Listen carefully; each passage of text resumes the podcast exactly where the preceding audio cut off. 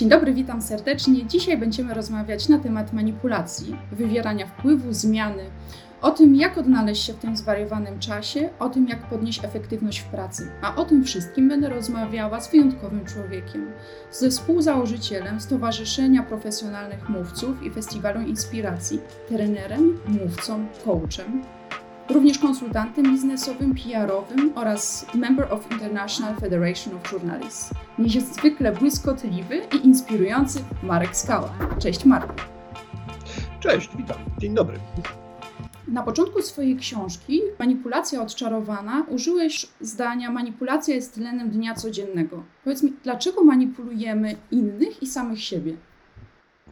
E, to dosyć oczywiste, po prostu e, e, i szokujące zarazem, bo to słowo manipulacja jest źle odbierane, ale jeżeli my sobie uświadomimy, że mani to jest po prostu ręka, dłoń, ręka, garść, i, a pulus to jest pełny, czyli ta cała manipulacja to jest po prostu trzymanie procesu w ręce.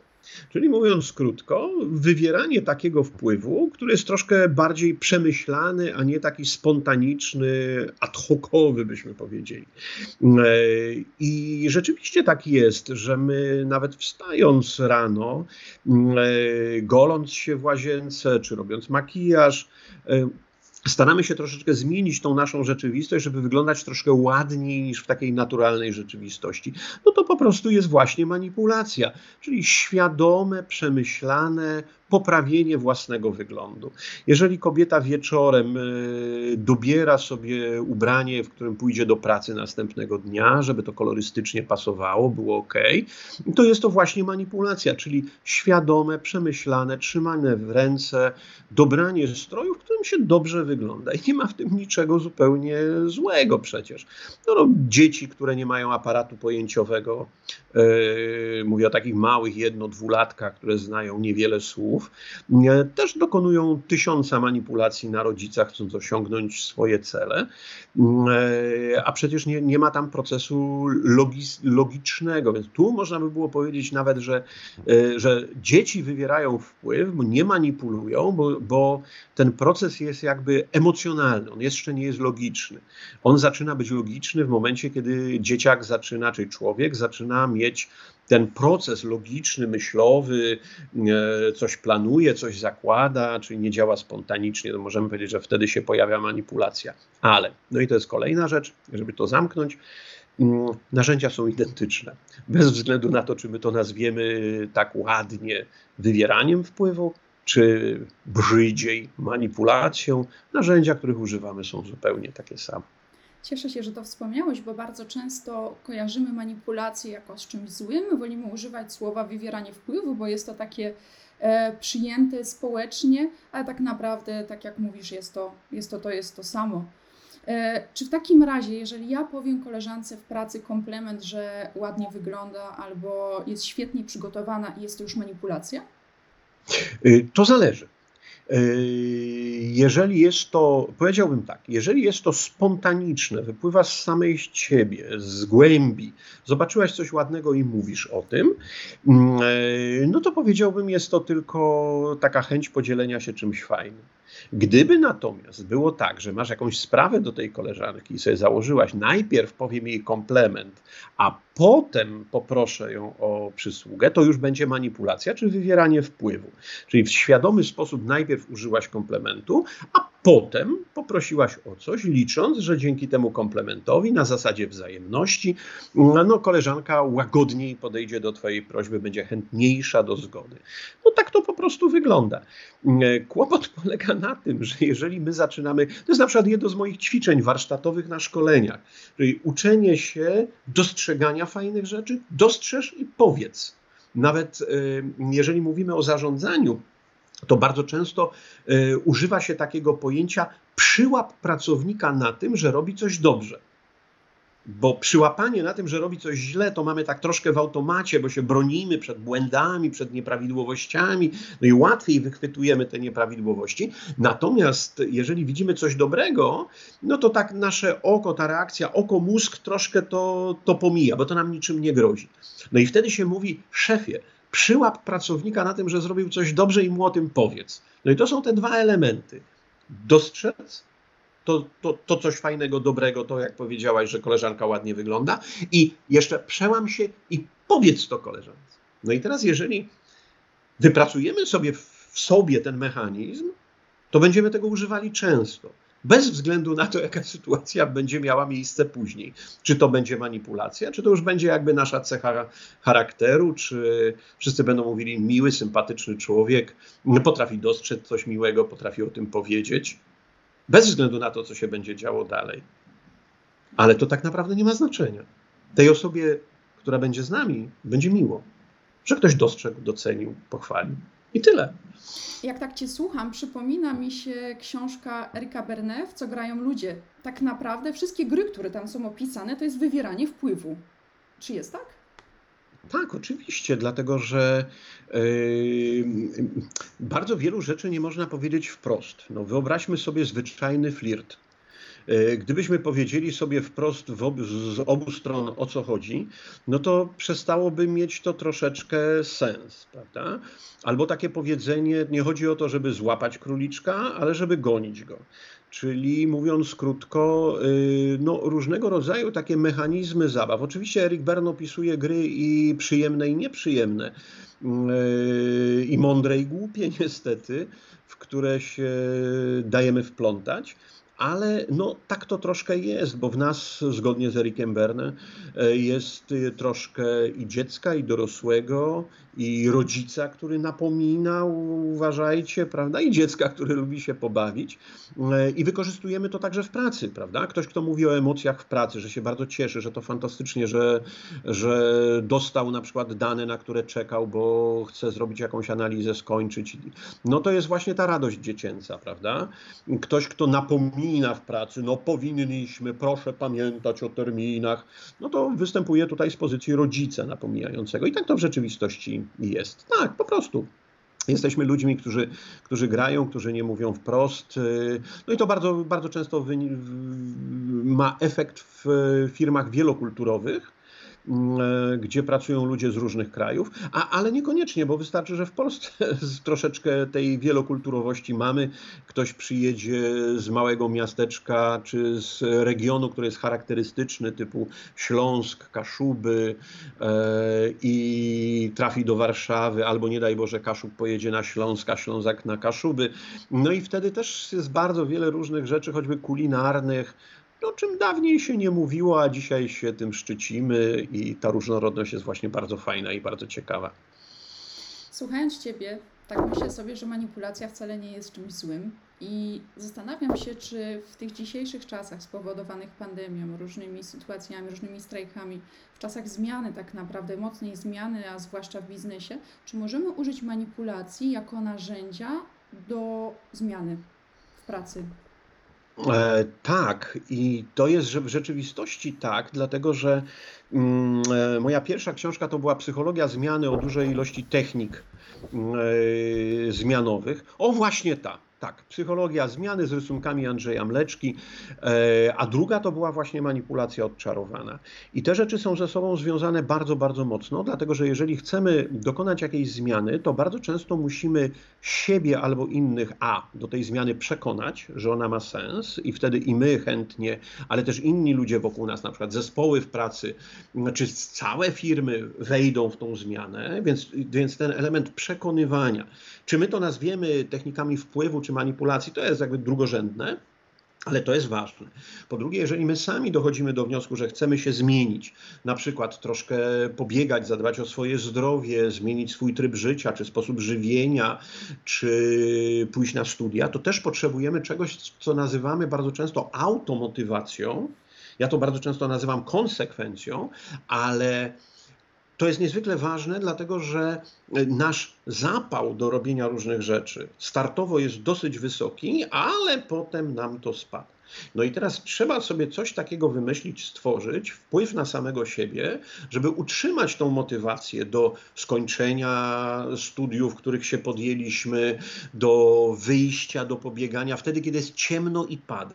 Kiedy jest ciemno i pada, jest trudniej, prawda? Trudniej się nam zmobilizować, żeby wyjść. No i chodzi o to, żeby wywrzeć wpływ na siebie, żeby zrobić rzeczy bez względu na pogodę. Na szkoleniach często używam przykładu wyprawy na biegun południowy, gdzie szły dwie ekipy: brytyjska pod dowództwem Scotta i norweska pod dowództwem Amundsena. No i e, co się okazało? Scott był, e, jak to się mówi teraz bardzo ładnie, zmotywowany, czyli kiedy była piękna pogoda, to szli ile się tylko dało, a kiedy pogoda była gorsza, no to przeczekiwali. A Amundsen szedł każdego dnia bez względu na pogodę. No i to jest to takie, mm, takie wręcz, e, no, użylibyśmy wręcz nazw powiedzenia przysłowiowe, choć nie ma żadnego przysłowia o Amundsenie i Scottie, ale bardzo symptomatyczne, że trzeba też wywierać wpływ na siebie żeby w tych momentach, kiedy jesteśmy bardziej zdołowani, kiedy jest większy problem, żeby jakoś wzmocnić e, swoje siły. To bardzo często widzimy też na y, siłowniach, kiedy już pod koniec stycznia przychodzą nam SMS-y, możesz wracać. Ci, którzy zapisali się Racja. 2 stycznia, już przestali przychodzić. Właśnie. To samo też mówią ludzie z, y, ze szkół językowych że po wakacjach ludzie ambitnie się zapisują we wrześniu, w październiku, ale to wystarcza na miesiąc, półtora i potem znowu to tak y, niknie trochę to zaangażowanie i się wykruszają. Y, I to jest właśnie ta automotywacja, która nam jest potrzebna, żeby, żeby y, samemu realizować swoje własne cele. Więc i w jednym, i w drugim zakresie jest nam potrzebny wywieranie wpływu i manipulacja po to, żeby osiągać jakieś zmiany, które sobie planujemy. Bardzo się cieszę, że powiedziałeś to i postawiłeś właśnie w tym momencie manipulację w lepszym świetle. Ja sobie zdałam sprawę z tego, że właściwie codziennie sama siebie manipuluję, czyli wywieram na siebie wpływ, żeby osiągać jeszcze lepsze efekty i wyniki w pracy. Ostatnio miałam taką sytuację, wiemy jak jest przez pandemię, że nie jest lekko. Każdy z nas e, jest mniej lub bardziej zestresowany byłam w trakcie pracy projektowej i moja koleżanka patrzy się na mnie i mówi, ty jesteś taka spokojna, ty się nie martwisz? Ja mówię, owszem, martwię się z tym, że nic nie przyniesie mi ciągłe kręcenie się w głowie zestresowana, po prostu staram się patrzeć perspektywicznie i pozytywnie. Tak, więc troszkę tutaj optymizmu. No i dzięki tobie właśnie zdałam sobie sprawę, że właściwie sama wywieram na siebie wpływ. Tak, tak, dokładnie tak i to jest zupełnie normalne, naturalne. Yy, czasami jest nam do tego potrzebny ktoś, kto do nas zadzwoni, zapyta, jak ci dziś poszło, yy, to trzeba zaplanować wcześniej. Czyli mówiąc krótko, kiedy planujemy pewne zmiany, to trzeba sobie zapewnić zestaw narzędzi wspierających na czas, kiedy mi ta motywacja spadnie. Yy, psychologowie mówią, że takie najtrudniejsze dni to jest dzień ósmy i jedenasty bo różnie liczymy. Jedni liczą tygodniowo i kiedy zrobią coś po raz e, siódmy, mówią hurra, udało się, tydzień, tydzień za mną. No i przychodzi ten dzień ósmy, kiedy trzeba zrobić to samo, co zrobiło się dnia siódmego i nie ma za to żadnej nagrody. No i tu się pojawia ten element taki, a może odpuszczę. A są tacy, którzy planują dziesiątkami dni, no i w momencie, kiedy te dziesięć zrobili, hura, hura, hura, mam dychę, mam dychę i no ale przychodzi też 11, 12 i tak dalej, no i tutaj już znowu trzeba wsparcia.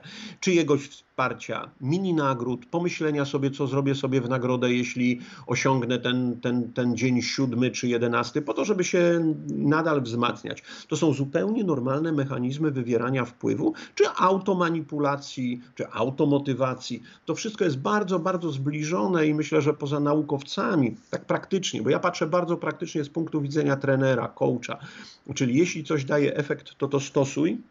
E, I niespecjalnie się do końca przejmuj, z jakiej to jest dziedziny, z jakiej bajki, jak to nazwać, jak to zdefiniować. Jeżeli to narzędzie ci działa, to znaczy, jest to dobre narzędzie.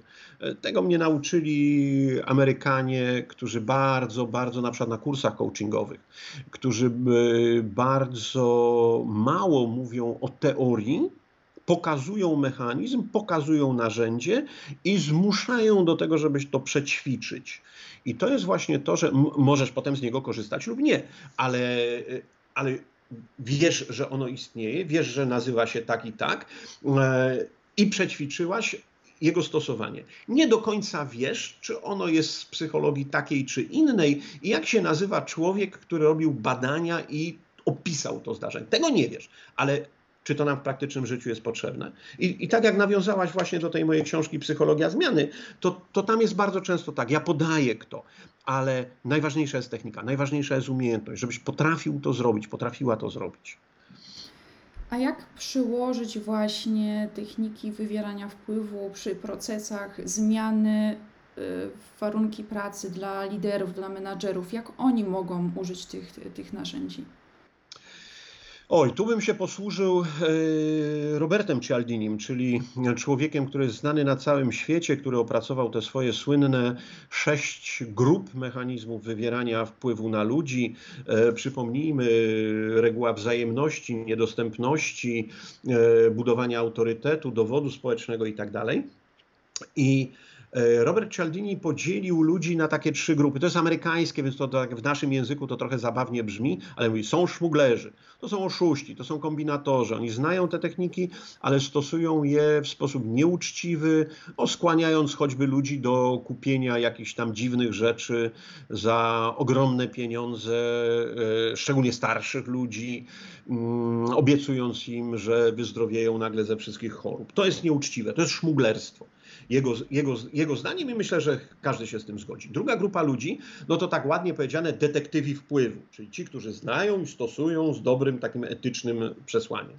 No i jest jeszcze trzecia grupa, czyli ludzi, którzy, których on nazywa partaczami, którzy powinni te techniki znać, a nie znają, a znać powinni dlaczego. Bo to są na przykład nauczyciele, albo lekarze, albo rodzice, tata, mama, którzy mają jakby z roli którą pełnią, e, wpływ na innych ludzi, na uczniów, na studentów, na pacjentów, na własne dzieci i powinni umieć wywrzeć wpływ na tych swoich jakby e, powiedzmy sobie w cudzysłowie coachi, żeby oni zrobili to, co jest dla nich dobre, czyli żeby uczeń się czegoś nauczył, żeby zechciał podjąć ten trud uczenia się czegoś, żeby pacjent regularnie zażywał leki, żeby e, dziecko e, nauczyło się, ono umie, tylko żeby zechciało jeść samodzielnie, czy zawiązać sobie buciki, czy się samemu ubrać. Dziecko to doskonale potrafi, ale bardzo często woli tego nie robić, bo jest zmęczone, bo mu się nie chce, bo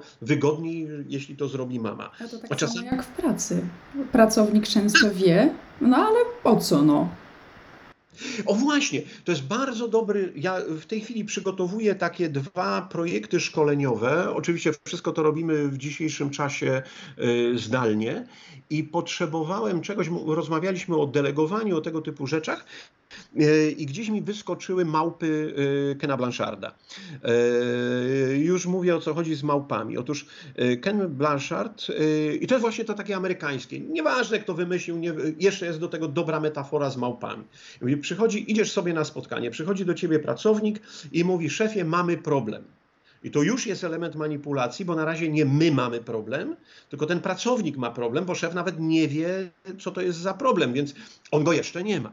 I mhm. pracownik mówi: y, Drogi szefie, y, Otóż y, tu się coś nie zgadza, tu to, tu to zaczyna to tłumaczyć. Ponieważ szef gdzieś idzie, to mówi, dobra, słuchaj, to weź mi, przyślij mi te materiały, przyślij mi te, te maile, czy tą umowę, czy ten papier, żebym wiedział, o czym, o czym do mnie mówisz. I może dzisiaj nie dam rady, ale jutro się nad tym pochylę. I teraz co się dzieje z pracownikiem? Pracownik mówi, hura, moja małpa jest teraz na plecach szefa. Czyli przerzuciłem małpę. Szef dał się zmanipulować, a ponieważ mi powiedział, że się temu przyjrzy, więc do momentu, kiedy on się przyjrzy, to ja już nic nie muszę robić. No i jest cała tam taka, taka historia z tym związana. I wczoraj, kiedy o tym rozmawiałem z prezesem pewnej firmy, on mówi: Ty czekaj, czekaj to ja to ćwiczyłem dwa dni temu. Mówię, dawaj. No i ponieważ jechał samochodem, w związku z tym miał trochę czasu, mogliśmy pogadać. E, I mówi, słuchaj, zadzwonił do mnie syn i mówi, tata, mam problem z zadaniem z matmy. E, więc syn nie użył manipulacji, mamy problem, tylko ja mam problem, czyli tak jeszcze tak rzetelnie podszedł do faktów. E, I on mówi, dobra, to przyślij mi to zadanie. No, rzuciłem okiem, trudne. Mówię, synku, E, to jest trudne zadanie, ja tego dokładnie nie pamiętam. Podeślij mi ze dwie kartki, jak próbowałeś to rozwiązać, to jak na to rzucę okiem, to sobie coś przypomnę i będę ci mógł pomóc. To mówi, no ale tata, to, to, to dużo. To, to. Słuchaj, to wybierz dwie, takie, które najbardziej ci, jakby najdalej zaszedłeś. Mówi, no dobra. No i za 10 minut dostaje SMS-a, tata, y, udało mi się rozwiązać. Czyli Co się stało? Prawdopodobnie młody usiadł, zobaczył, że zadanie trudne, mówi, dobra, to zrzucę małpę na ojca, niech się ojciec martwi. Ale teraz co się dzieje z szefem, który nie umie tych małp odrzucić albo nie przyjąć? Teraz szef się musi, w tym wypadku tata, musi się wbić w to zadanie, przypomnieć sobie, a dzieciak ma wolne. I to jest pierwsza zasada działania z małpami. Poproś osobę, która wkłada ci małpę na plecy, żeby ci opisała sytuację. I często się zdarza, że w trakcie opisywania tej sytuacji, kiedy już się w to wgłębisz, chcesz to opisać, przyjdzie ci do głowy rozwiązanie. I potem mówisz, e, szefie, to już, już, już, już wpadliśmy na pomysł, dzięki za pomoc, tak, już, już, już mamy. I ty nawet nie musisz sięgać do tego zadania. To jest właśnie to, do czego nam jest potrzebna, e, potrzebne wywieranie wpływu i techniki. I warto się skupić, pomyśleć, poznać szereg technik, bo dzięki nim i nam, i ludziom, którym przewodzimy, albo z którymi pracujemy razem w zespole, będzie się łatwiej pracowało.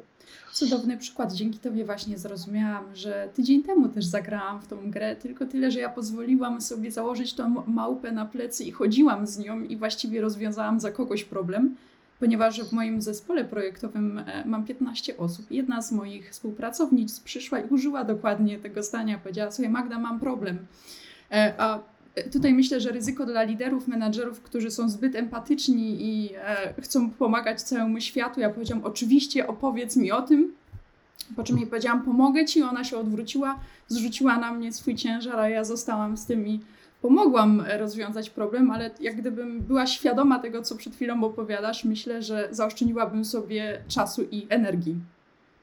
Tak, tak. I e, bardzo często jest tak, że ludzie to robią nieświadomie. To nie jest tak, że pracownik przychodzi do, o, teraz mam chytry plan, ubiorę szefa w ten, niech się martwi, a ja będę miał dwa dni wolnego. Nie. Tylko jakby z natury rzeczy, no przychodzą, bo mają problem, nie wiedzą jak rozwiązać i właśnie do roli szefa, bo o to pytałaś, y, y, należy zastosowanie narzędzia, które spowoduje, żeby to odwrócić tą sytuację, żeby to pracownik się skupił nad tym problemem. Y, To jest coś takiego, y, w linie to mamy, w y, tej filozofii linowej, nazywa się to gęba, czyli miejsce, w którym powstaje wartość, w którym powstaje sytuacja. I przyjmuje się, że najwięcej na temat mm, tego, o co tam chodzi, mają ludzie właśnie w tym miejscu, którzy, którzy to robią. Bo jeżeli to wyjdzie na poziom wyżej, to, to czy to, jak mówimy na przykład o faktory, tak? czyli czy mamy jakiegoś mistrza, brygadzistę, lidera zespołu, no to zanim on wejdzie w ten problem, zrozumie o co tam chodzi, to upłynie sporo czasu. I tak nie będzie widział tego tak dokładnie, jak pracownik, który robi to na samym dole. I, i to, jest, to jest właśnie to. Nie wyciągajmy tych rzeczy wyżej, bo my oczywiście z tego punktu zarządczego widzimy szerzej, Mhm. natomiast widzimy mniej dokładnie. Najdokładniej widzi ten pracownik, któ- który to robi, ale czasami mu się nie chce. I czasami wręcz nieświadomie ubiera swojego szefa we własne małpy. Dokładnie, słuchaj, teraz czasy się stały tak niepewne, że każdy z nas e, przejawia zachowania dość nienaturalne, e, których nigdy w żaden sposób by się wcześniej tak nie zachował. Boimy się, żyjemy pod presją, zmiana zawsze kojarzy się, znaczy nie tyle, że kojarzy się, zmiana zawsze jest związana ze stratami. I tutaj jest moje pytanie, może z, miałeś ostatnio jakieś doświadczenie w pracy, albo jak poradzić sobie, szczególnie gdzie po, pojawiają się straty, jak wyjść z kryzysu? To nie jest takie łatwe, dlatego że bardzo często kryzys jest niesprowokowany przez nas, nie mamy na to wpływu. I jeżeli tutaj mówimy o koronawirusie, to wyjście z kryzysu jest banalnie proste. Po prostu dystans, mycie rąk i ochrona siebie samego, ale też innych ludzi wokół. E, oczywiście są ludzie, którzy mają łatwiej i trudniej. Jeśli ludzie mają dzieci, które poszły do szkoły, no to wpływ na to, że te dzieci nie przyniosą czegoś ze szkoły do domu, jest dosyć niewielki. Jeżeli ktoś mieszka trochę samotnie, czy dwie dorosłe osoby, kiedy nie ma dzieci, łatwiej jest to kontrolować. Ale to jest to, co możemy robić, czyli nie podejmować głupich decyzji, ryzykownych decyzji. Ja pamiętam, jak urodziła mi się druga córka. I wtedy się okazało, że nogę mam lżejszą niż mi się do tej pory wydawało. Czyli mówiąc krótko, kiedy jechałem samochodem, to w sytuacjach takich e, wątpliwych raczej naciskałem gaz, no, żeby wyprzedzić, pojechać dalej, szybciej dojechać. Tak. To jakby dla ludzi młodych jest dosyć, dosyć e, normalne i naturalne. Mm, niestety czasami też ryzykowne, a niestety czasem też śmiertelne, ale tak jest.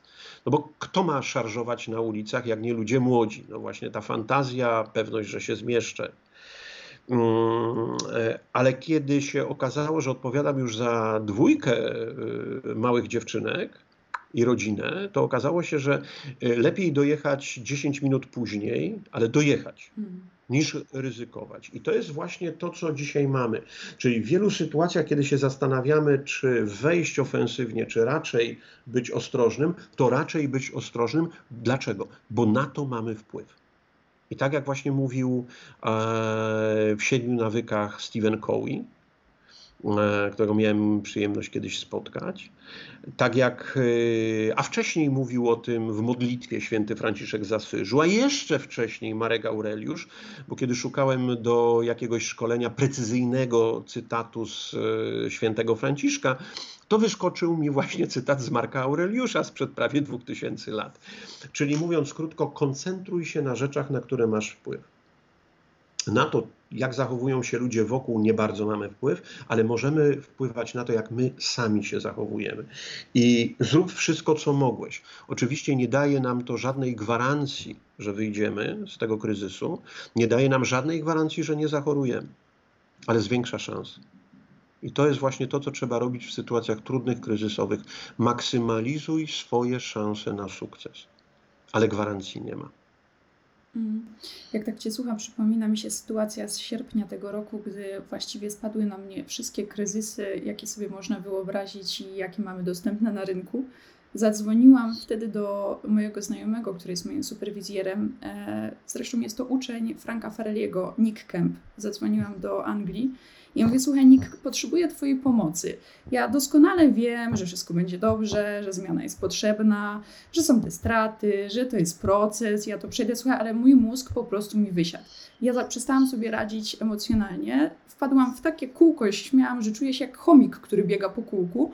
I ja mówię, słuchaj, co ja mam zrobić? I Nick dał mi bardzo fajną radę, która doskonale pasuje do tego, co przed chwilą powiedziałeś. Powiedział mi, skoncentruj się na trzech rzeczach, na które masz wpływ żeby Twój mózg i cała Twoja energia tylko była skoncentrowana na trzech najważniejszych rzeczach.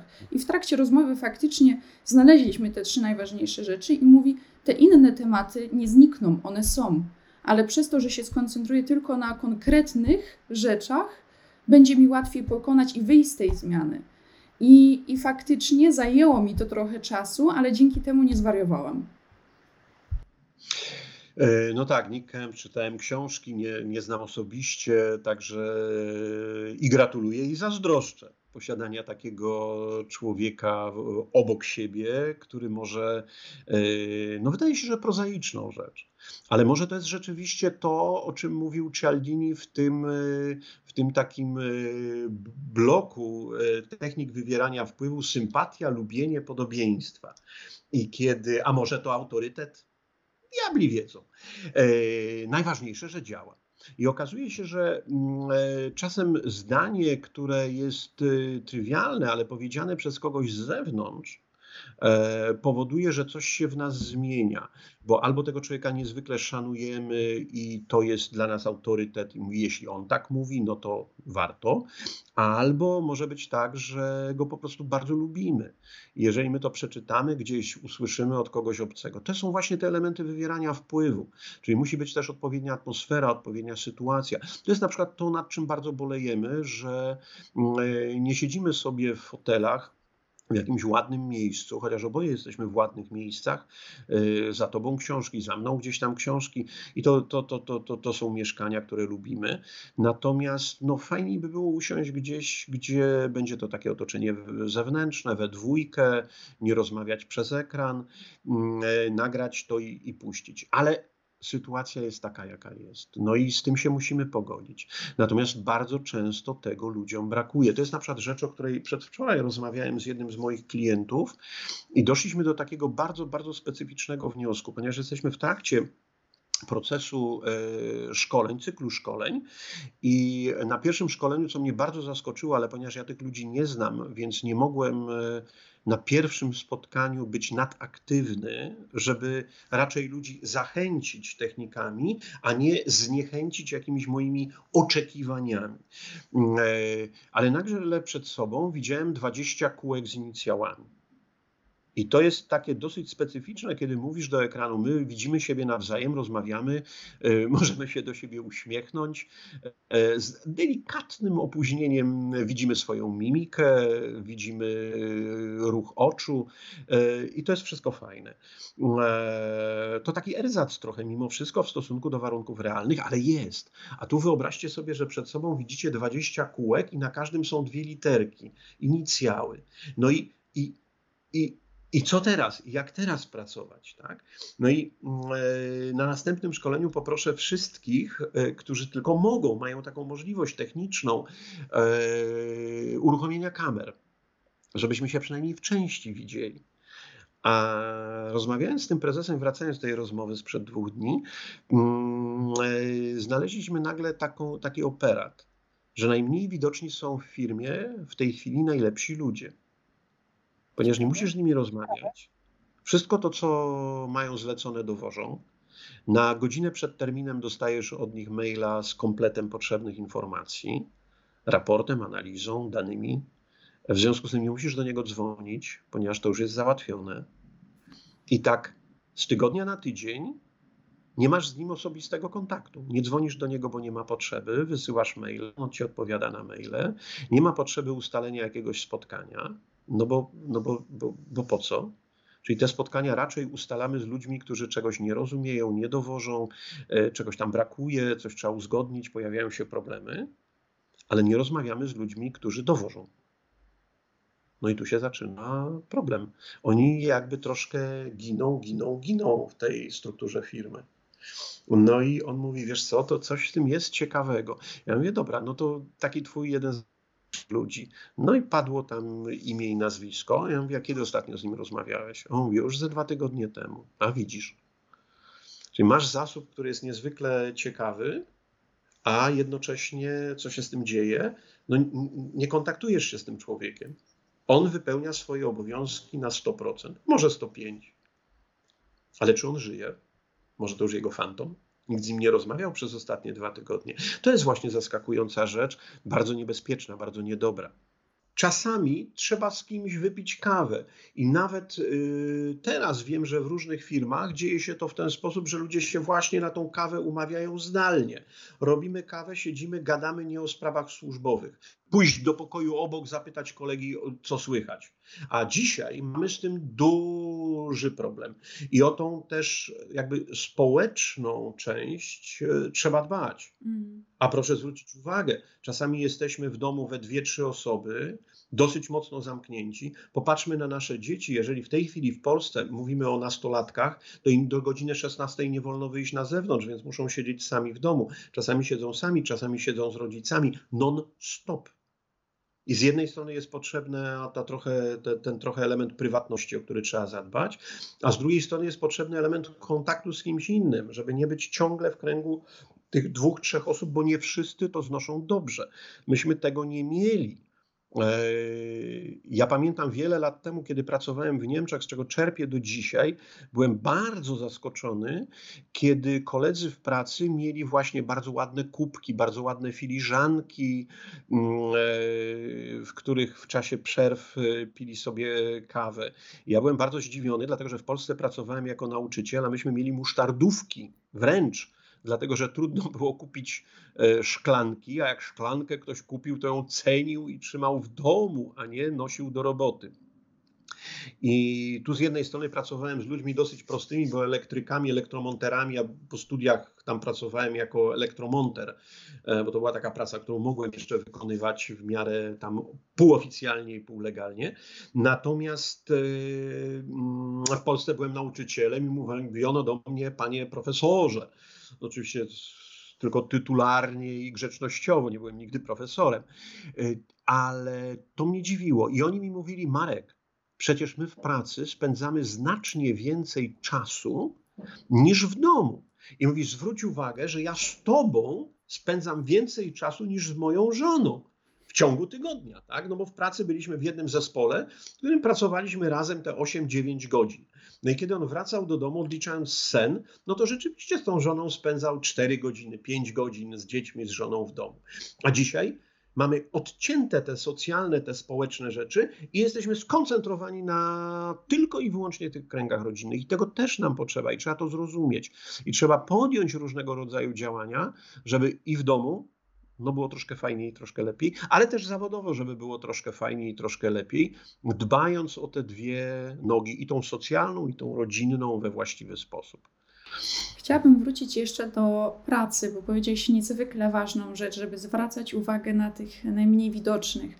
Ostatnio podczas e, mojej rozmowy z Piotrem Ciszewskim Agnieszka Maruda-Sperczak e, skomentowała, e, żeby przytulać tych najmniej widocznych i myślę, że to jest też taka rada dla wszystkich menadżerów i, i szefów, żeby z, podeszli bardzo indywidualnie do swoich pracowników. Z każdej strony, ja też pracuję jako konsultant i z każdej strony dostaję informacje, spada mi efektywność w pracy, e, spada efektywność e, sprzedaży i, i generalnie są bardzo duże straty, tak? I, I to nie jest jedna firma, to jest większość firm.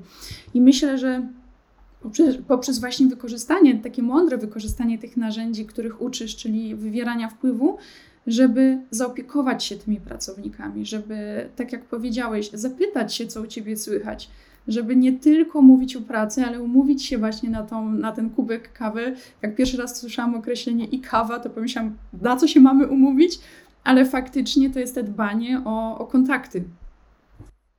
Tak, ja w, jak szybko nam się zmienił świat, widziałem wczoraj takiego mema z zeszytu historii. E, nie wiem, która to była klasa, ale e, był zapisany temat lekcji, a temat lekcji dotyczył elekcji. I uczeń zapisał E, pauza, lekcje dlatego że słowo elekcja było mu nieznane jeszcze, no bo właśnie się o tym miał uczyć. Natomiast e-lekcja była dla niego zupełnie naturalna, bo tkwi w tym już od pół roku i doskonale sobie zdaje e, sprawę, co to jest e-lekcja, e-kawa, e-spotkanie. No niedługo będziemy mieli erantki i jeszcze różnego rodzaju rzeczy.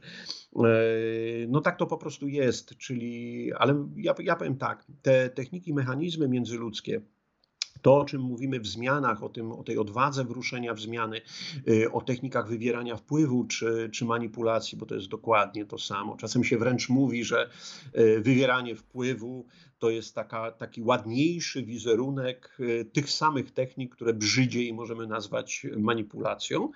Mm, e, mają tak samo duże znaczenie i tak samo są nam potrzebne w życiu, szczególnie w życiu zawodowym. Mnie się jakoś tak w miarę w miarę udało, że realizuje różnego rodzaju projekty w różnych firmach, bo pracowałem i w elektrowniach, i w kopalniach, i w firmach produkcyjnych, automotywowych, mm, i w firmach klasycznie sprzedażowych, które zarządzają dużymi sieciami sprzedażowymi, i, i wszędzie tam te mechanizmy są potrzebne. Tylko, że stosuje się je trudniej, no bo jesteśmy w trudniejszej sytuacji. Może masz jakąś radę w sytuacji, gdzie w trakcie procesów zmiany zaczynamy się bronić przed tymi zmianami. Na przykład ostatnio też miałam taką sytuację w pracy, gdy przyszła do mnie pracowniczka i mówi, zaczęła rozpamiętywać to, co było. E, gdybyśmy zrobili tak, gdybyśmy inaczej zareagowali, gdybyśmy się przygotowali, no ale no, nie masz wpływu na to, co już było. Jak, co możemy mhm. zrobić w takiej sytuacji? Powiem tak, e, tutaj e, e, bardzo wyraźnie brakuje grubej kreski. Z jednej strony, żeby odciąć, że to, co było, to było i tego już nie ma. Teraz jedziemy do przodu, czas się zmienił, ale to boli, bo pamiętamy te, te przyjemne sytuacje. To jest tak, jak się rozstajemy z kimś i czy to jest rozwód, czy to jest rozstanie, to z jednej strony no, są poważne powody, dlaczego tak się stało, ale jednocześnie z tego wspólnego życia zostają nam właśnie te miłe wspomnienia, zostaje pamięć e, miłych chwil, miłych zdarzeń, mm, wręcz pamięć dotyku i, i gdzieś tam przychodzą takie momenty, że, że, że żałujemy, prawda? Mm, e, to tak jak w, do, w dowcipie, który powiem w już wersji, że tak powiem, nowoczesnej, e, że kiedy jasnowic się upije, to dzwoni do swoich przyszłych. Bo tak jak normalny facet to do byłych. Mm, ale, ale to jest właśnie to, że, że gdzieś tam nas trzymają pewne elementy te kotwiczne i trzeba je odciąć. Po prostu powiedzieć, to się skończyło, restart, zaczynamy od nowa. Z drugiej strony, Ludzie czasami mają żal o te decyzje, o te złe decyzje. I trzeba mieć też odwagę powiedzenia, że rzeczywiście decyzje, które podjęliśmy, były złe nie mieliśmy możliwości. To jest tak, jak w tej chwili mm, zarzuca się rządowi bardzo wiele różnych rzeczy, i e, ja nie chciałbym o tym zupełnie dyskutować, tylko o, o pewnym mechanizmie. E, I jednym z takich mechanizmów, który się przy, przywołuje, to jest pewien absurd zamknięcia lasów wiosną. Mhm. I dzisiaj wszyscy wiemy, że to był absurd, tylko że pamiętajmy, że w tym czasie wszyscy byliśmy w, w ogromnej panice. Mimo, mimo, że mieliśmy tych zakażeń na poziomie tam 400-500 dziennie, a dzisiaj mamy na poziomie 20 tysięcy dziennie, to w tej panice y, podjęto decyzję o zamknięciu lasów, albo na przykład o tym, że mąż z żoną nie mogą iść po ulicy razem. Chociaż mieszkają razem, śpią w jednym łóżku, ale nie mogą iść razem. No chodziło po prostu o to, żeby z, z daleka było widać y, dwuosobowe zgromadzenie czasie tej, tej kwarantanny. I dziś możemy powiedzieć, że były to decyzje absurdalne i na wyrost, ale mówimy to jakby z dzisiejszej perspektywy. Tylko, że uważam, że ktoś powinien bardzo otwarcie przeprosić i powiedzieć: sorry, Pomyliliśmy się, to było bez sensu, to było głupie, rzeczywiście. Nie wiedzieliśmy wtedy, nie, nie mieliśmy informacji. I dlatego ja y, absolutnie o tamte decyzje nie mam żadnych pretensji. Mimo, że też było mi, chętnie bym wiosną pojechał do lasu, ale nie wolno mi było, chętnie bym się przeszedł na spacer, ale nie wolno nam było. Ale to zostawmy. Jeżeli w firmie mamy podobną sytuację, że rzeczywiście widzimy, że decyzje podjęte pół roku temu były głupie, niesensowne, że, że i dzisiaj ponosimy tego skutki, to trzeba mieć tą odwagę i powiedzieć: przepraszam. Byliśmy w zamieszaniu, w bałaganie, przepraszam, bo to spowoduje, że zamkniemy tamto i będziemy mogli wystartować jakby z pustym trochę plecakiem, ale do przodu. To niezwykle ważne, prawda, żeby móc iść do przodu. Sytuacja jest jaka jest. I w związku z tym w dzisiejszej sytuacji musimy to zrobić, żeby opanować lęk, opanować gniew, opanować pretensje do siebie mm, e, i ruszyć do przodu, żeby starać się zrobić to, co możemy zrobić. To, to, o tym mówi bardzo wielu ludzi. Ja jestem y, przewodnikiem górskim, jestem ratownikiem nurkowym i w takich czasem ekstremalnych, chociaż ja nie, nie byłem, no może parę razy, ale raczej nie, nie, nie często jestem w sytuacji ekstremalnej ale absolutnie polecam i, e, jestem fanem Tomka Michniewicza, który w mojej najnowszej książce e, też tam występuje, dał swój rozdział i swój opis pewnej sytuacji. I Tomek właśnie zawsze mówi: opanuj lęk. Nie rób cokolwiek, żeby zrobić. Opanuj lęk. Pomyśl, w jakiej sytuacji jesteś. Zadaj sobie właściwe pytania i odpowiedz na nie. I spokojnie, powoli ruszaj do przodu. W takiej sytuacji jesteśmy. Yy, czy on mówi o dżungli? Ale czy dzisiaj nie mamy trochę takiej sytuacji, że jesteśmy w dżungli w tym sensie, że nie wiemy? Nie wiemy, kiedy to się skończy. Nie wiemy, jak się skończy. Nie mamy żadnej daty. Wiosną mieliśmy, pierwsza data to były święta wielkanocne, druga data to był długi majowy weekend, potem był początek wakacji, więc były jakieś takie, takie daty, do których mogliśmy się odwołać i pewnie, byle tylko. A dzisiaj? No nie słyszałem, żeby ktoś mówi byle do świąt, byle do świąt, a potem się zobaczy. Nie, nie słyszę takich tekstów, czyli mamy już tą świadomość, że, że to nie jest tak, że po pasterce skończą się nasze problemy z COVID-em, z problemami firmowymi, brakiem pieniędzy i, i tak dalej.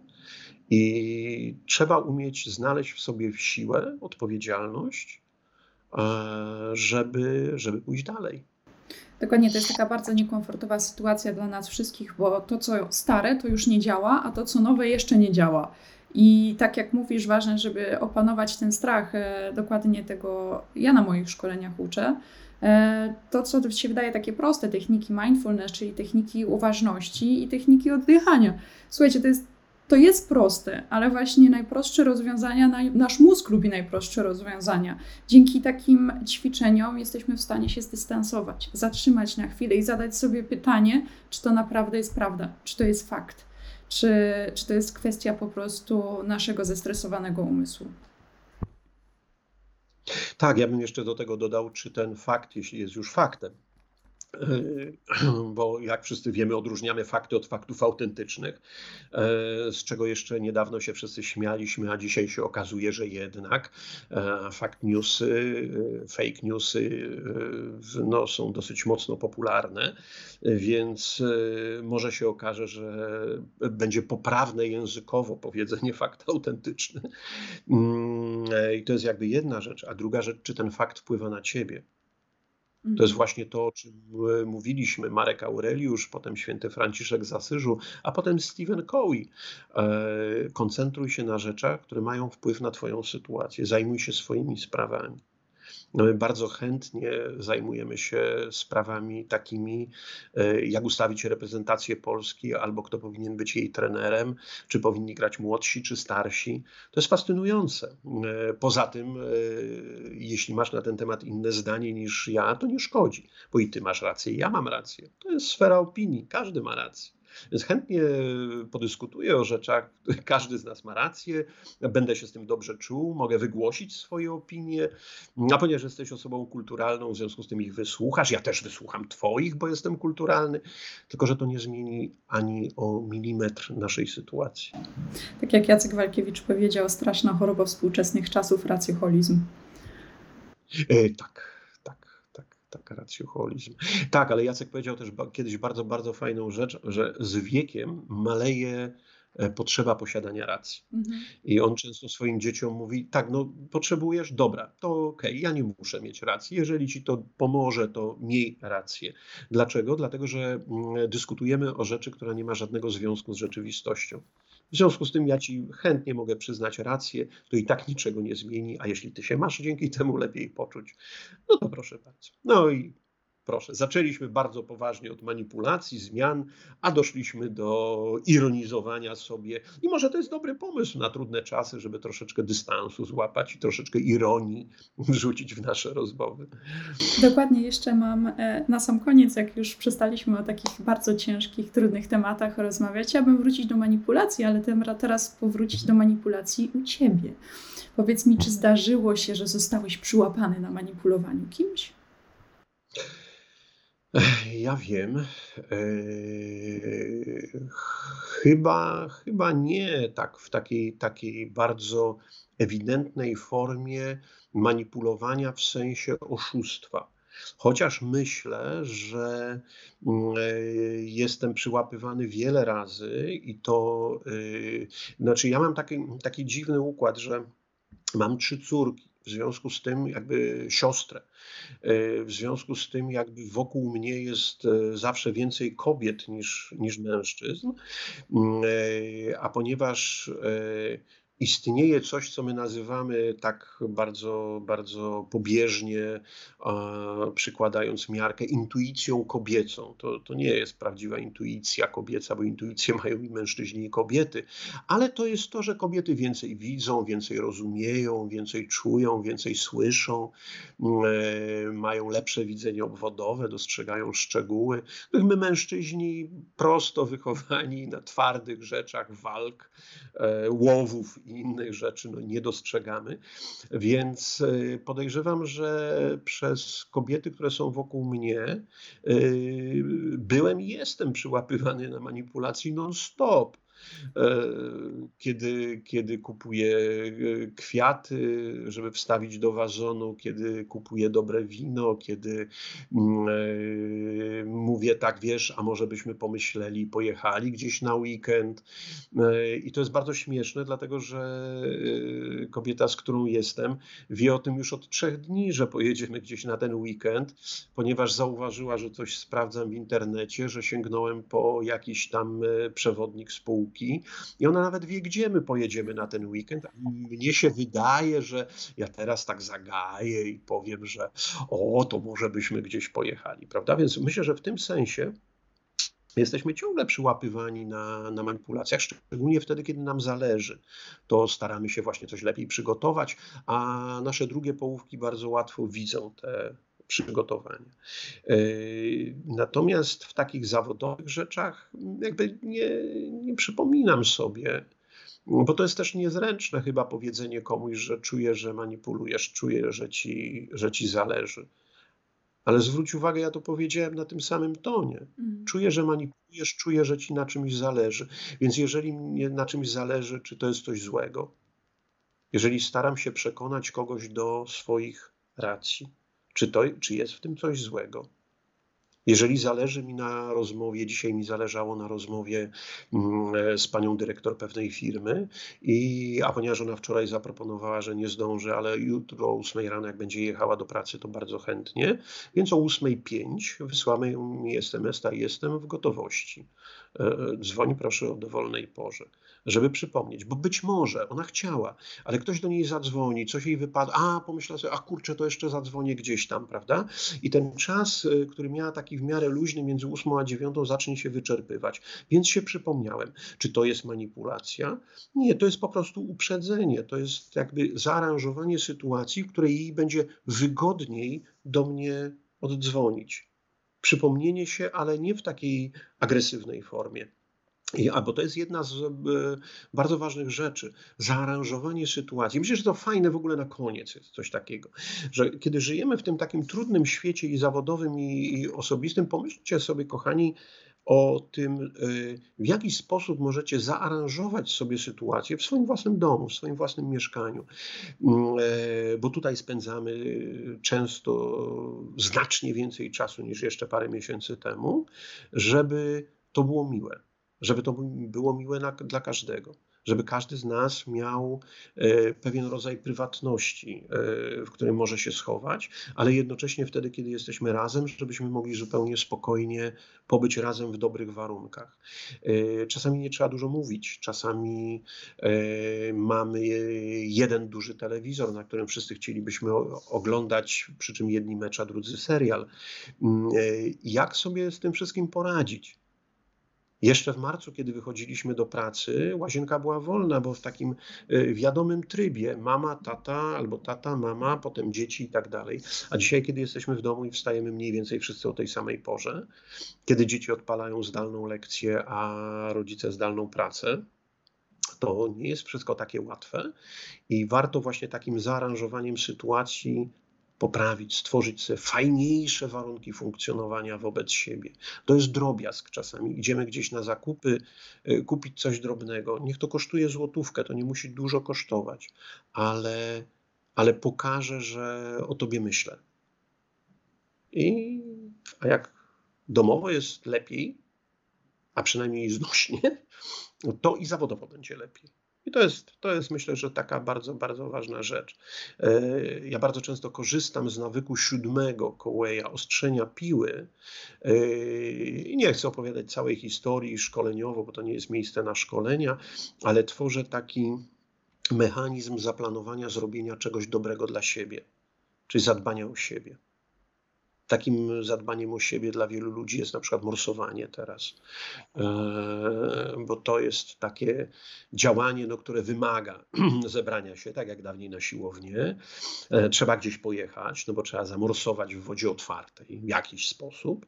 E, natomiast samo morsowanie jest dosyć ciekawym zajęciem, bo nie wymaga żadnej specjalnej aktywności. Wystarczy się rozebrać, troszkę rozgrzać, wejść do wody na 2-3 minuty i wyjść i już.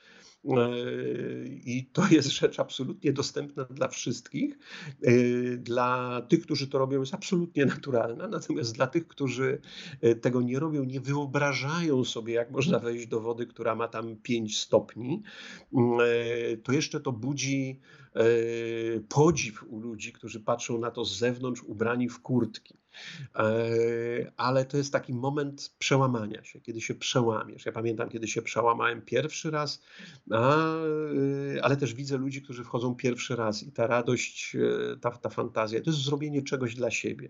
To czasami może być wejście do zimnej wody, a czasami kupienia kilku kwiatów, żeby ładnie wyglądały, a czasami jakiegoś ciasteczka gdzieś tam w jakiejś cukierni i przyniesienie tego do domu. Dbajmy o to. Bardzo się cieszę, Bardzo się że cieszę, właśnie że... odczarowałeś manipulację i wywieranie wpływu. I też jestem tego zdania, że przede wszystkim powinniśmy zadbać o siebie, nie tylko o naszych najbliższych, nie tylko o pracowników, ale zacząć od siebie. Wykorzystajcie ten czas na samorefleksję, wykorzystajcie ten czas na zastanowienie się, po co tu jesteście i co chcecie robić. Tak naprawdę ten czas, miejmy nadzieję, że już nie wróci w przyszłości, ale wykorzystajcie, bo to jest bardzo wartościowe, żeby spojrzeć z tej strony na to. Jeżeli chcecie się dowiedzieć, jak bronić się przed manipulacjami, wywieraniem wpływu, odsyłam Was właśnie do książki Marka. E, Manipulacja odczarowana. Znajdziecie tam bardzo dużo różnych technik i jeszcze szerzej na temat wywierania wpływu. A Tobie, Marku, bardzo dziękuję za tą rozmowę. Dziękuję Ci za Twoje rady i życzę dużo zdrowia, bo to najważniejsze. Wzajemnie. Trzymajmy się razem, damy radę. Wszystkiego dobrego. Wszystkiego dobrego. Dziękuję. Do zobaczenia.